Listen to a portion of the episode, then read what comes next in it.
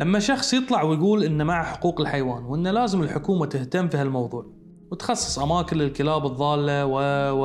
ومن الأمور اللي تصب في الاهتمام بحقوق الحيوان. على طول في ناس راح تنط وتعارض بشدة وتقول بدل ما الحكومة تهتم في الحيوان خل تهتم في حقوق الإنسان. واللي هي أهم من الحيوانات. هالشيء بالنسبة لي غريب طبعا لأن ما أقدر أستوعب شلون أقارن حقوق الإنسان بحقوق الحيوان. وثاني شيء ما يصير يعني الاهتمام بحقوق الإنسان والحيوان نفس الوقت. أو مثلا الناس تطالب في مشاريع ترفيهية عشانهم وعشان تزيد السياحة الداخلية. ينط لك واحد على طول. مو قبل ما يسوون مشاريع خلي يهتمون في المستشفيات أول. زين ليش ما يصير الاثنين مع بعض؟ ماني فاهم. برامج تقدمها الدولة لتطوير التعليم والتدريب. قبل ما تسوون هالسوالف وظفوا العاطلين أول. ترى والله العظيم يصير الاثنين مع بعض. واحد غير متدين يقرر يروح الحج. انت صل أول بعدين روح الحج. زين ادعي له يسوي لهم اثنينهم. ليش ما تبيه يهتدي بنية غير متحجبة مشهورة تتبرع لحملات خيرية.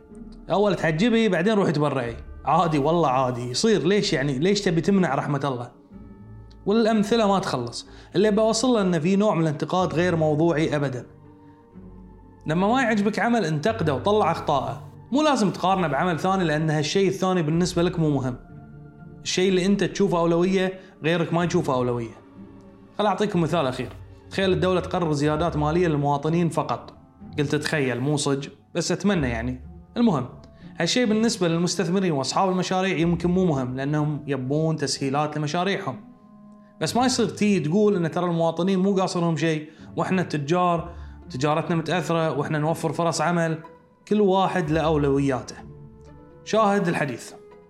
لما تطالب حقوق أو بشيء من صالحك أو من ضمن أولوياتك لا تسقط أو تصغر من أولويات الآخرين.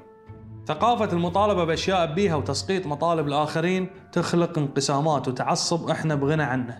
أوقف مع أخوك في مطالبة عشان يوقف وياك.